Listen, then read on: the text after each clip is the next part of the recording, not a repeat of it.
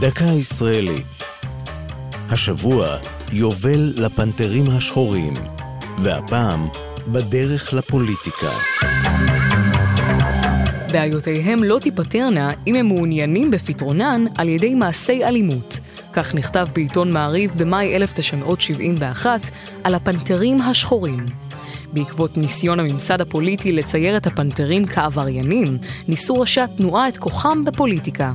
חבר הכנסת שלום כהן פרש באותה שנה מסיעת העולם הזה, כוח חדש, חבר לתנועת הפנתרים השחורים ומונה למזכ"לה.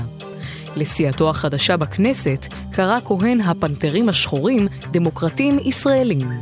כעבור שנתיים בבחירות 73 שנערכו בעקבות מלחמת יום הכיפורים, לא הצליחה המפלגה לעבור את אחוז החסימה. מאבקים פנימיים שניצתו לאחר הכישלון גרמו לפיצול בתנועה. אחד מראשי הפנתרים השחורים בתל אביב, ויקטור תייר, הקים את תנועת הפנתרים הציוניים, אך גם הוא לא הצליח להיבחר לכנסת.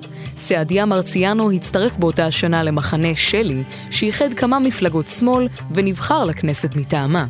צ'רלי ביטון חבר לתנועת רק"ח הקומוניסטית להקמת מפלגת חד"ש, הפעילה עד היום, וכיהן מטעמה בכנסת עד שנת 92. זו הייתה דקה ישראלית על הפנתרים השחורים ובדרך לפוליטיקה. כתבה עמליה נוימן, ייעוץ הדוקטור יגאל בן נון, ייעוץ לשוני הדוקטור אבשלום קור.